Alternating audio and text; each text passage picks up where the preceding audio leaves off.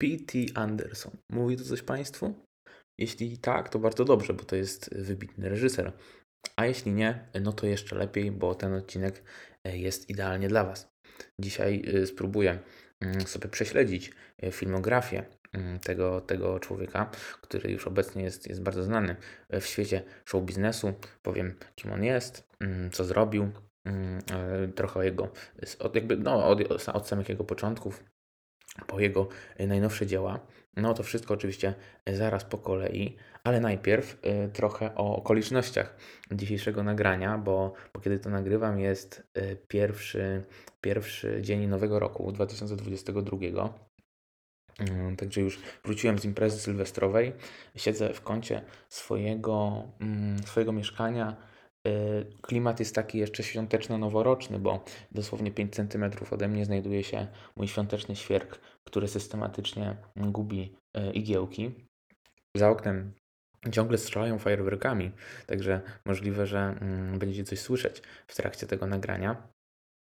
Także taki mamy klimat, ale y, nie o świętach, a o filmie.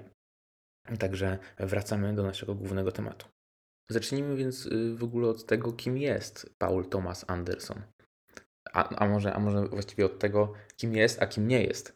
Bo, bo jeżeli y, oglądaliście wcześniejsze odcinki podcastu, to w głowach może Wam świtać y, nazwisko innego Andersona, czyli Wesa Andersona. Także teraz warto zaznaczyć, że mówimy o dwóch zupełnie różnych, niezwiązanych ze sobą osobach. Anderson to trochę takie przeklęte nazwisko w branży, bo tych Andersonów jest generalnie dużo. Właśnie najsłynniejszymi z nich e, no jest właśnie Wes Anderson i Paul Thomas Anderson.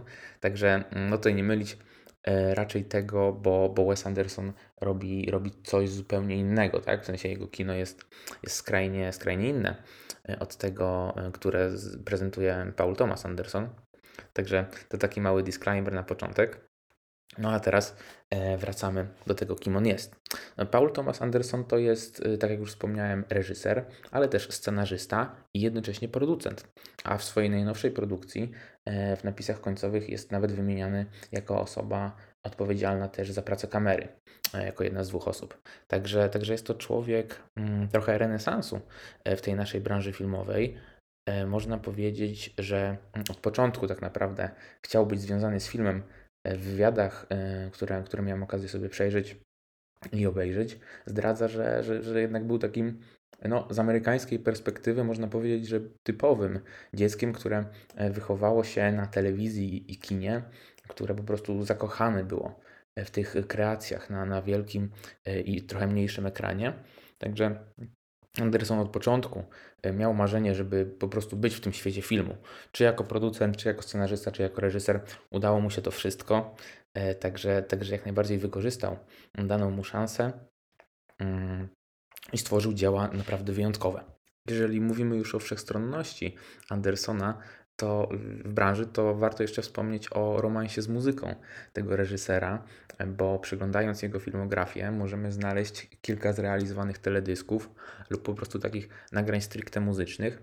Ja dzisiaj tutaj skupię się raczej na tych e, takich właśnie stricte filmowych, dlatego że, że ta branża muzyczna to raczej nie jest moja działka, w tym nie czuję się e, tak dobrze, e, ale, ale warto zaznaczyć, że mm, ta muzyka w jego filmach odgrywa znaczną rolę i ten wątek e, troszeczkę później e, poruszę oczywiście, ale, ale, ale nie poruszę konkretnie tych dzieł, mm, które, które były realizowane właśnie tak stricte muzycznie, bardziej niż filmowo.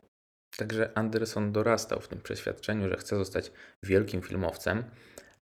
No i generalnie, tak jak powiedziałem, udało mu się. Pierwszy krótkometrażowy, taki już można rzec półprofesjonalny film nakręcił już w wieku 17 lat. Także jest to dosyć, dosyć wcześnie. Mm. No, Anderson studiował nawet y, w pewnym momencie na Uniwersytecie Nowojorskim, jednak było to bardziej anegdotyczne doświadczenie, e, bo, bo, bo studiował tam tylko dwa dni. E, no, w wywiadach opowiada, że, że szkoła filmowa to nie jest coś dla niego i raczej preferuje naukę bezpośrednio na planie filmowym lub no lub po prostu oglądając niezliczone ilości filmów, prawda? Tutaj już niektórym mogą budzić się takie konotacje mm, z Quentinem Tarantino, który, który ma podobną opinię w tych kwestiach, tak, to, to, to o Quentinie mówi się, że, że nie, nie, nie jest po szkole filmowej, tylko e, nau, jakby nauczył się robić filmy, oglądając po prostu niezliczone ich ilości w swojej pracy jako sprzedawca kaset VHS. Także o, o relacji generalnie Quentina z Andersonem jeszcze sobie powiemy, a to na razie taki zalążek.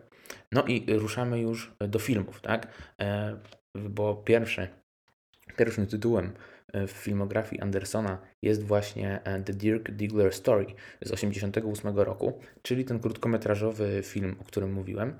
Mm, jest to mokument, czyli taki, mm, taki film, który mm, stara się być dokumentem, ale w dosyć prześmiewczy, autoironiczny sposób, tak? który jakby żartuje sobie z tej formuły dokumentu. No Anderson nakręcił właśnie ten film e, w wieku 17 lat i jest to y, historia, jest to fikcyjna historia gwiazdy branży pornograficznej. No, także już tutaj zapala nam się pierwsza lampka. 17-latek kręci, y, kręci dokument o, o, o branży pornograficznej. Jest to coś ciekawego, prawda? Już tutaj widać to nieokiełznanie mm, Andersona, jeżeli chodzi o, o tematy, o których chce opowiadać. No, ten film miałem okazję zobaczyć. On jest w ogóle dostępny na YouTubie. Jeżeli ktoś chciałby, mm, chciałby sobie na niego zerknąć, trwa lekko ponad 20 minut chyba. Mm, może nie, chyba do pół godziny dochodzi. No więc, więc właśnie no, łapie się jeszcze w krótkim metrażu. No tam technicznie e, oczywiście nie jest, to, nie jest to film idealny, ale jak na, e, jak na taki debiut, mm, prawda, to, to jest naprawdę ciekawie, ciekawe i intrygujące kino. E, także to jest pierwszy pierwszy zalążek jakiegoś talentu, który można było zauważyć e, w dziełach e, Andersona, a pięć lat później, w 1993 roku, e, pojawia się swoją premierę. Ma kolejny krótkometrażowy film Andersona o tytule Cigarettes and Coffee. No to jest też krótki metraż, ale jest to już film fabularny, mm, zrealizowany właśnie przez Andersona. No, fabularnie jest to mm, historia o spotkaniu dwójki przyjaciół. Mm, jeden z nich Mm, prosi o radę drugiego w kwestii zemsty na swojej żonie. No tutaj nie chcę zdradzić za dużo. Ten film też e, swoją drogą jest dostępny na YouTubie i trwa e, lekko ponad 23 minuty. E, także tutaj no jest to już fabuła bardziej przystępna niż taki dokument, także polecam sobie sprawdzić. Można sobie właśnie za darmo na YouTubie zerknąć.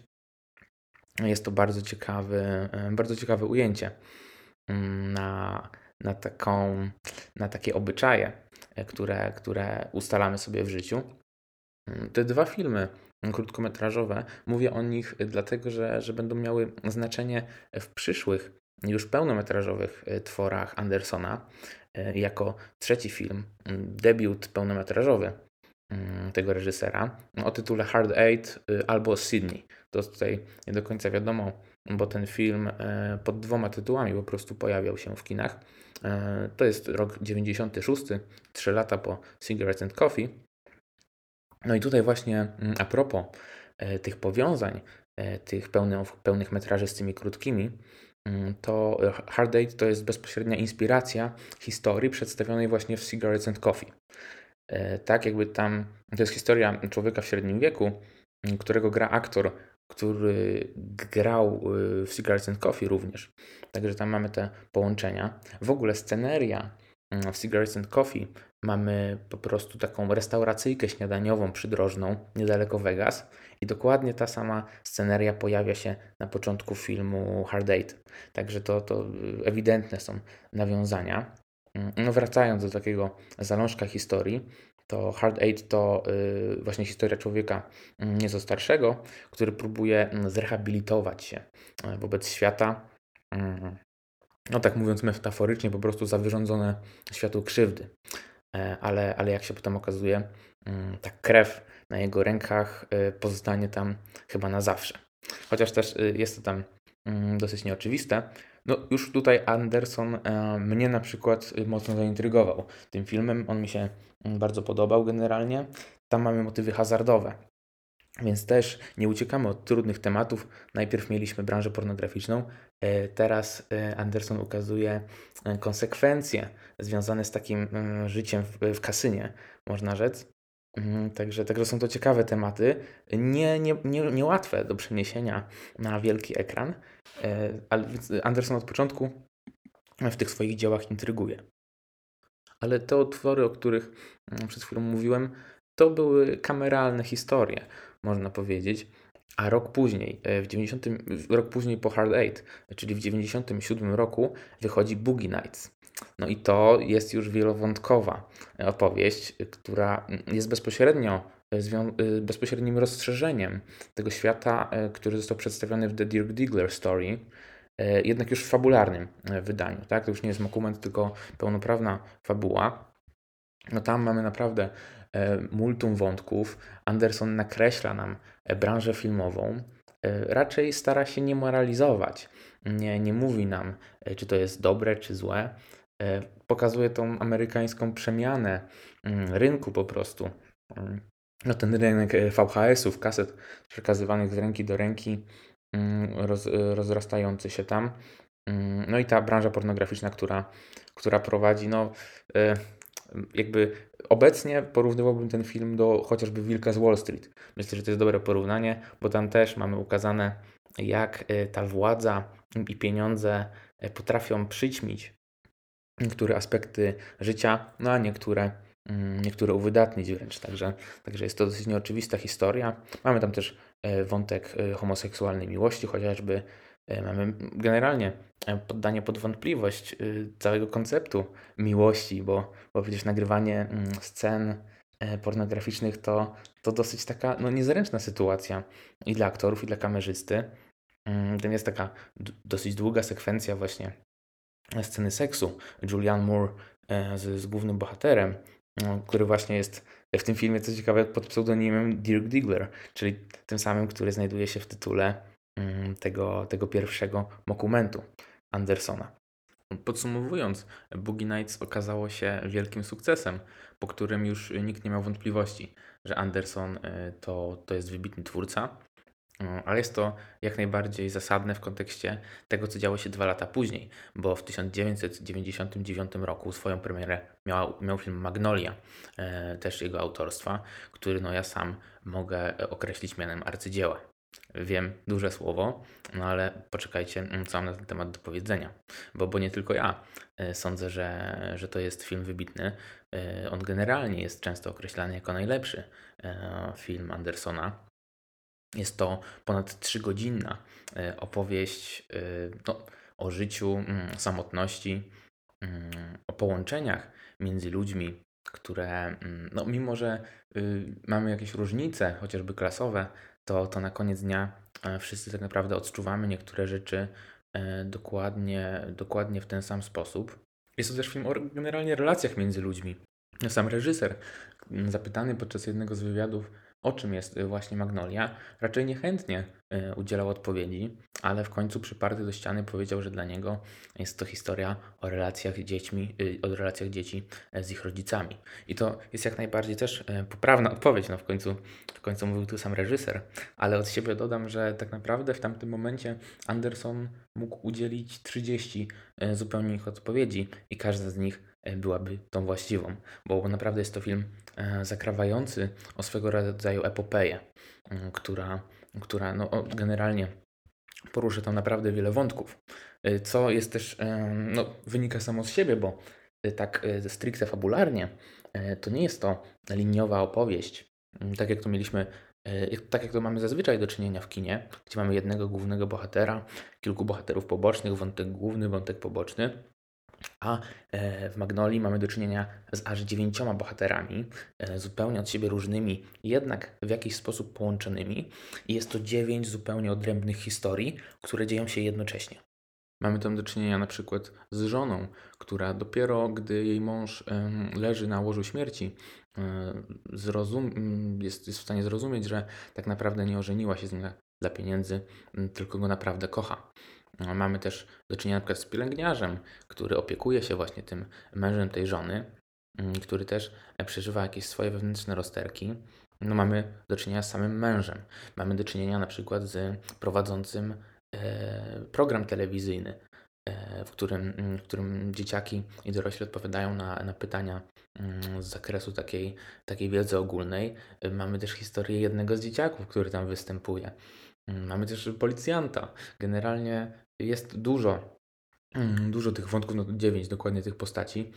Jakby ja ze swoim, y, bądź co bądź marnym, ale jednak doświadczeniem scenariopisarskim y, cieszę się, kiedy mm, zostanie zrealizowany jakiś, y, jakaś historia z jednym wątkiem głównym w dobry sposób, a, y, bo to już jest karkołomne zadanie. A widząc, mm, gdzie jakby jest dziewięć tych wątków, które są wręcz idealnie dopasowane, idealnie się ze sobą łączą i przeplatają się przez te trzy godziny filmu, no nawet nie chce mi się myśleć, jakie jest to karkoło- karkołomne zadanie y, dla twórców. Anderson w Magnolii posługuje się też liczną symboliką, e, bo mamy tam na przykład około 100, chyba lekko ponad 100 mm, pojawiającej się w kadrze, w kadrach filmu e, liczby 82, którą jeżeli sobie rozdzielimy na 8 i 2 i zajrzymy do Biblii, e, to ukaże nam się werset mówiący o deszczu żab, który pojawia się w klimaksie tego filmu. Mm, No, jeżeli ktoś już widział, e, to wie, że jest to swoisty takie mm, katarzis, taki punkt, punkt zwrotny dla bohaterów, żeby, żeby coś zmienili w tym swoim życiu. No jeżeli ktoś jeszcze nie wie, to, to oczywiście zachęcam do obejrzenia.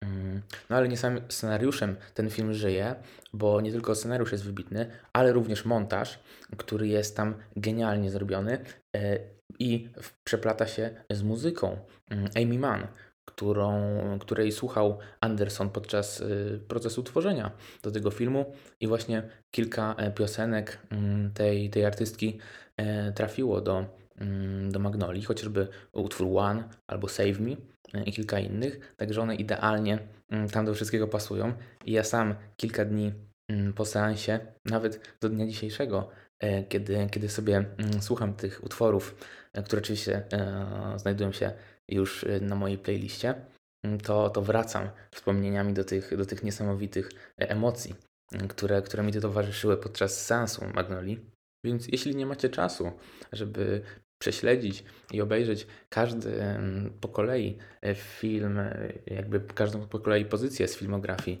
Andersona mm, i chcecie mm, tą jedną perełkę z tego wynurzyć, no to to jest właśnie film dla Was. Zarezerwujcie sobie mm, wolny wieczór, usiądźcie wygodnie na kanapie i delektujcie się tą trzygodzinną ucztą, bo naprawdę jest to uczta e, i gwarantuję Wam, że się nie zawiedziecie. A my idziemy dalej. I tutaj umyślnie teraz przeskoczę mm, niektóre z dzieł Andersona, które w mojej opinii po prostu mm, mówiąc o całokształcie e, filmografii tego reżysera nie są aż tak znaczące. E, Więc przeskakujemy o 10 lat e, i mamy rok, mm, no nie, nie, nie 10, bo z 99 do 2007, e, bo w tym roku swoją premierę ma There Will Be Blood, czyli na polski Aż poleje się krew z Danielem Day-Lewisem w roli głównej. No, to jest film, mm, który, który jest bardzo chłodny e, w swoim przesłaniu, jeżeli tak to można nazwać. Jest to historia mężczyzny, który dorobił się fortuny na wydobyciu ropy. Mm, Ta historia toczy się na przełomie XVIII i XIX wieku. Tam Anderson y, ukazuje taki mm, gniew y, i nienawiść, jaka buduje się w człowieku, e, który, który tam dla osiągnięcia e, swoich celów e, majątkowych lub no, no, głównie majątkowych, mm, bo tutaj skupiamy się na tej, na tej właśnie majątkowej fortunie, jaką sobie zbiera e, główny bohater. No, więc który dla osiągnięcia tego, tego celu majątkowego gotowy jest zrobić dosłownie wszystko. No ta historia jest naprawdę chłodna. Ja tak będę akcentował to słowo, bo, bo, bo Anderson ukazuje mega okrutny świat, gdzie dosłownie każdy jest w stanie odrzucić swoje przekonania właśnie dla władzy mm, czy jakiegoś innego swojego celu. I bardzo subtelnie obserwuje e, właśnie zmieniającą się psychikę e, tego człowieka. Aż poleje się krew został y, bardzo doceniony przez krytyków, jednak mm, dla, dla takich zwykłych wyjadaczy chleba y, może ten film być nieco odrzucający. Ja sam y, po pierwszym seansie nieco się od niego odbiłem ze względu na to, że, że ten jego chłód, ta taka mm, zupełnie niemoralizatorska mm, wizja tego świata. Anderson tylko obserwuje mm, tych bohaterów, którzy wyrządzają naprawdę e, straszliwe rzeczy sobie nawzajem e, i nie mówi, nikt nie skazuje e, na, na, na jakąś tam na wygraną czy przegraną. On po prostu obserwuje i daje widzowi ocenić te takie moralne dylematy, które tam występują. Także to jest taki naprawdę peak Andersona, jeżeli chodzi o, o, o subtelną obserwację. Dalej, w 2012 roku mamy Mistrza.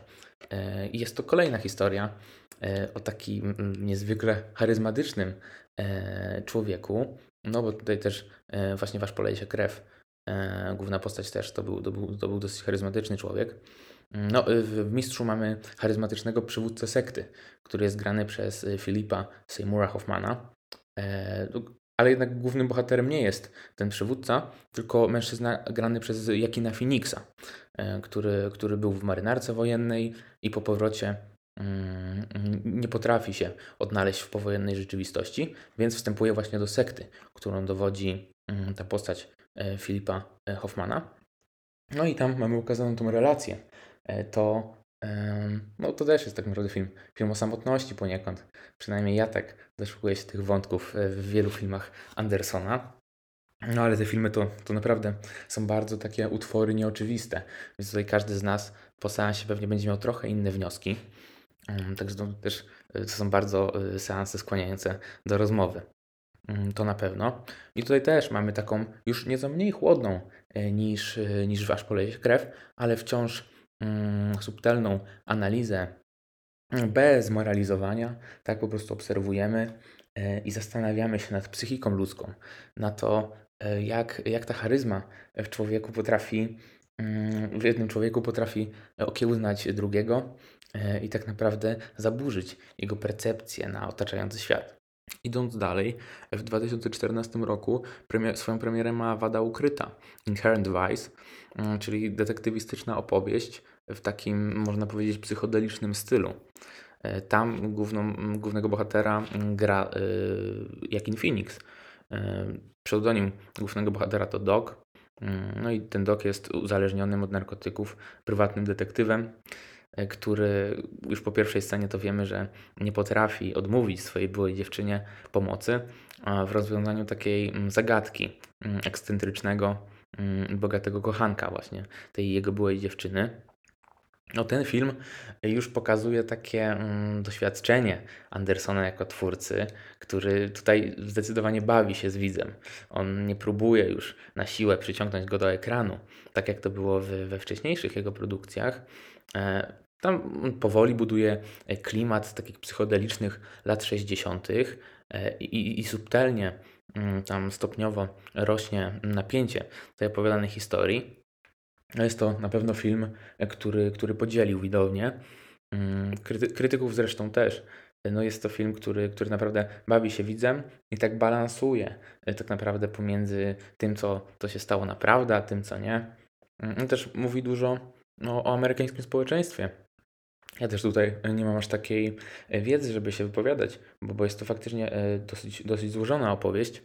E, I, i no, ale nie jest, nie jest to na pewno typowa, e, typowy, typowy film, e, też mm, z jakimś jednym wątkiem, z jednym głównym bohaterem i z prostą liniową historią. A po latach 60. idziemy kilkanaście lat w przód, przynajmniej w filmie, bo w rzeczywistości idziemy aż do roku 2021 i tak naprawdę do, do dnia wczorajszego, bo 31 grudnia swoją polską premierę miała, miał film Licorice Pizza. Co prawda wcześniej za granicą już dało się mm, obejrzeć ten film, no ale polska premiera e, miała miejsce właśnie 31 grudnia 2021 mm, roku. Mm, no i tutaj to już jest historia zupełnie inna, e, bo jest to historia takiej nieoczywistej miłości pary dwójki młodych ludzi, którą, które, którzy są dosłownie brawurowo zagrani przez Alanę Heim i Coopera Hoffmana już na tym etapie można powiedzieć, że jest to coś niekonwencjonalnego, dlatego że w tym filmie mamy takich aktorów jak chociażby Bradley Cooper, e, którzy, czy, czy Sean Penn, którzy są y, obstawiani w rolach pobocznych. Natomiast w rolach głównych właśnie mm, młodego chłopaka i młodej dziewczyny, którzy, którzy się w sobie zakochują, e, są e, ludzie, którzy nigdy generalnie mm, nie, nie grali w pełnometrażowym filmie. Bo Alana Haim to jest e, piosenkarka. No, Cooper Hoffman, nazwisko możecie skojarzyć, bo mówiłem już wcześniej o, o jego ojcu, który, który niestety już zmarł, czyli Filipie Seymourze Hoffmanie, z którym długo Anderson współpracował właśnie w swoich filmach. Także widzimy, że tutaj mm, to wszystko jakiś ma ze sobą związek.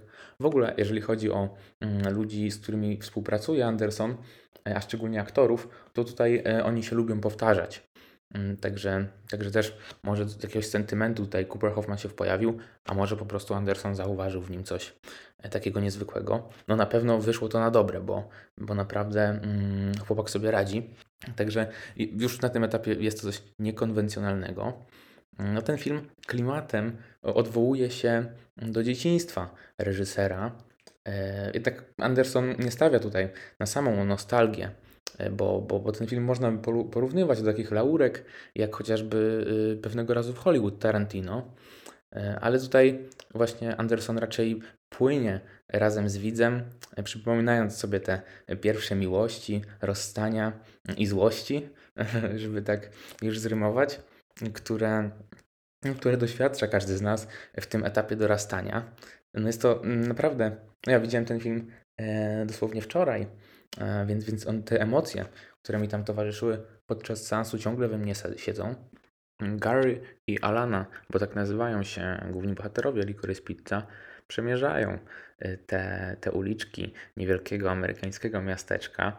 Tak naprawdę y, już od samego początku ich relacja przypomina, jest, jest czymś więcej niż przyjaźń, ale czymś mniej niż, niż taki oficjalny związek. Dzieli ich też znaczna różnica wieku, bo, bo jest to około 10 lat, chociaż Alana nie, nie chce się do końca przyznać przez cały film, w jakim jest do końca wieku, no ale oczywiście na koniec dnia to nie ma znaczenia.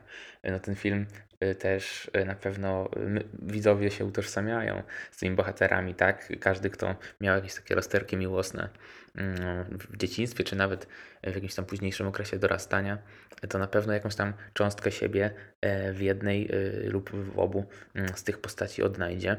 No tam mamy do czynienia z kryzysem paliwowym e, w, Stanach, więc mamy też E, ukazane jakieś pierwsze biznesy, które, którymi zajmują się e, właśnie Alana i Gary. Także mm, tam właśnie no, dzieje się treść, ale, ale wszystko sprowadza się do tego, że raz pałeczka jest po stronie Garego, raz po stronie Alany. Oni tak zbliżają się do siebie, raz oddalają. Czasami wina leży po jednej stronie, czasami po drugiej, ale na koniec dnia Mm, no to ta, ta najsilniejsza z emocji wygrywa. E, więc, więc no to już mogę zaspoilować, że, że zakończenie jest szczęśliwe, bo całość to jednak e, formą przypomina e, komedię romantyczną, tak? Więc to szczęśliwe zakończenie jest trochę wpisane w tę form formułę. No, śmiechu tam też jest co niemiara, bo chociażby e, John Peters, postać Johna Petersa, która jest grana przez Bradley'a Coopera, to przerysowany samiec alfa, no, który, który naprawdę bawi. I chociażby jak ja byłem w kinie, to, to nie tylko ja, ale też inni, mm, inni widzowie pękali ze śmiechu, bo, naprawdę jest, są tam sceny zrobione z jajem i, i na pewno wielu z Was na takim seansie też y, nieraz się uśmieje. W Licorice Pizza już podobnie jak w Wadzie Ukrytej z 2014, o której mówiłem chwilę wcześniej, mm, Anderson, no tam y, nie sposób doszukiwać się już jakiejś takiej, mm, takiej schematyczności w tych filmach. Już widać, że y, obecnie Anderson y, na tyle dobrze czuje się w tym języku filmowym, że te historie po prostu same płyną. On po prostu siada, pisze, opowiada i, I tak naprawdę przez 2,5 godziny seansu no, Licorice Pizza, mimo że wydaje się to dosyć kameralna opowieść mm, i taka, taka, którą dałoby się teoretycznie opowiedzieć w znacznie krótszym metrażu, bo mamy tam dużo takich e, scen, e, które no, jedni mogą powiedzieć są wyłącznie mm, dla uzyskania jakiejś takiej groteski, to jednak e, ta, ta budowa tego klimatu tych wczesnych lat 70 czy 60., nie, już nie do końca, nie do końca sobie zdaję sprawę, e, jest, jest naprawdę tam potrzebna. No i chyba tylko Anderson potrafi budować tak e, napięcie zjeżdżającą tyłem e, ciężarówką, e, znaczy zjeżdżającej tyłem ciężarówki dostawczej, ale to już, e, to już jak najbardziej zachęcam do seansu. Film jest grany obecnie w kinach, także może to też jest powód, żeby, żeby zobaczyć sobie, mm, co tam współcześnie Anderson ma do zaoferowania. Tak już podsumowując e, i próbując odpowiedzieć na pytanie, jakie właściwie są e, te filmy Andersona, no to można powiedzieć e, o jego charakterystycznym stylu ukazywania bohaterów bez tej krytycznej oceny ich działań, a raczej takiemu ciekawskiemu przyglądaniu się ich no, często pokręconym poczynaniom tych, tych niezwykle charyzmatycznych przywódców sekt, jakichś ekscentryków czy, czy innych e, takich no nietuzinkowych e, postaci. Mm, Powiem jeszcze chwilę e, o właśnie tych porównaniach z Tarantino, bo generalnie mm, Tarantino z Andersonem są dobrymi kumplami, a przynajmniej to wynika z niektórych wywiadów. Naprawdę fajnie się dogadują. No, można się doszukiwać e, tych powiązań, dlatego że oboje robią jednak kino głównie autorskie, mm, prawda? Więc y, też takie, takie dosyć brawurowe. No, dla mnie osobiście e, Anderson trochę przewyższa Tarantino, ale to jest już zupełnie taka, mm, taka subiektywna e, opinia. E, Raczej wolę mm, te takie, no, taką bardziej złożoność, tą, tą bardziej subtelniejszą analizę skomplikowanych procesów psychicznych człowieka, a nie, a nie, no oczywiście tutaj spłycam bardzo, ale jednak nie taką rozróbę mm, tarantinowską, którą on oferuje. Chociaż no, y, pewnego razu w Hollywood y, naprawdę mi się podobało i to muszę przyznać. Więc, więc tutaj te porównania nie są znikąd. No też y, Tarantino, tak jak wspominałem wcześniej, e, też nie, nie ukończył tej szkoły filmowej, więc oni oboje są takimi samoukami. Oboje lubią, lubią takie e, stare, Hollywood, e, stare hollywoodzkie kino. Także, także na pewno też w życiu prywatnym e, zakładam, że się dogadują. Także mam nadzieję, że choć trochę zachęciłem Was mm, do zerknięcia na tą filmografię Andersona. E, Pamiętajcie, żeby nie mylić go z Wesem Andersonem. E, No i zerknijcie, jeżeli nie na e, kilka filmów, nie na Licorice Pizza, który obecnie jest w kinach, to chociaż na tą Magnolię zróbcie mi i sobie przyjemność mm, i, i, i, i zarezerwujcie sobie ten wolny wieczór na ten, na, to, na ten niezwykły seans. Także dajcie znać, co sądzicie. Dzięki serdeczne za wysłuchanie i do następnego.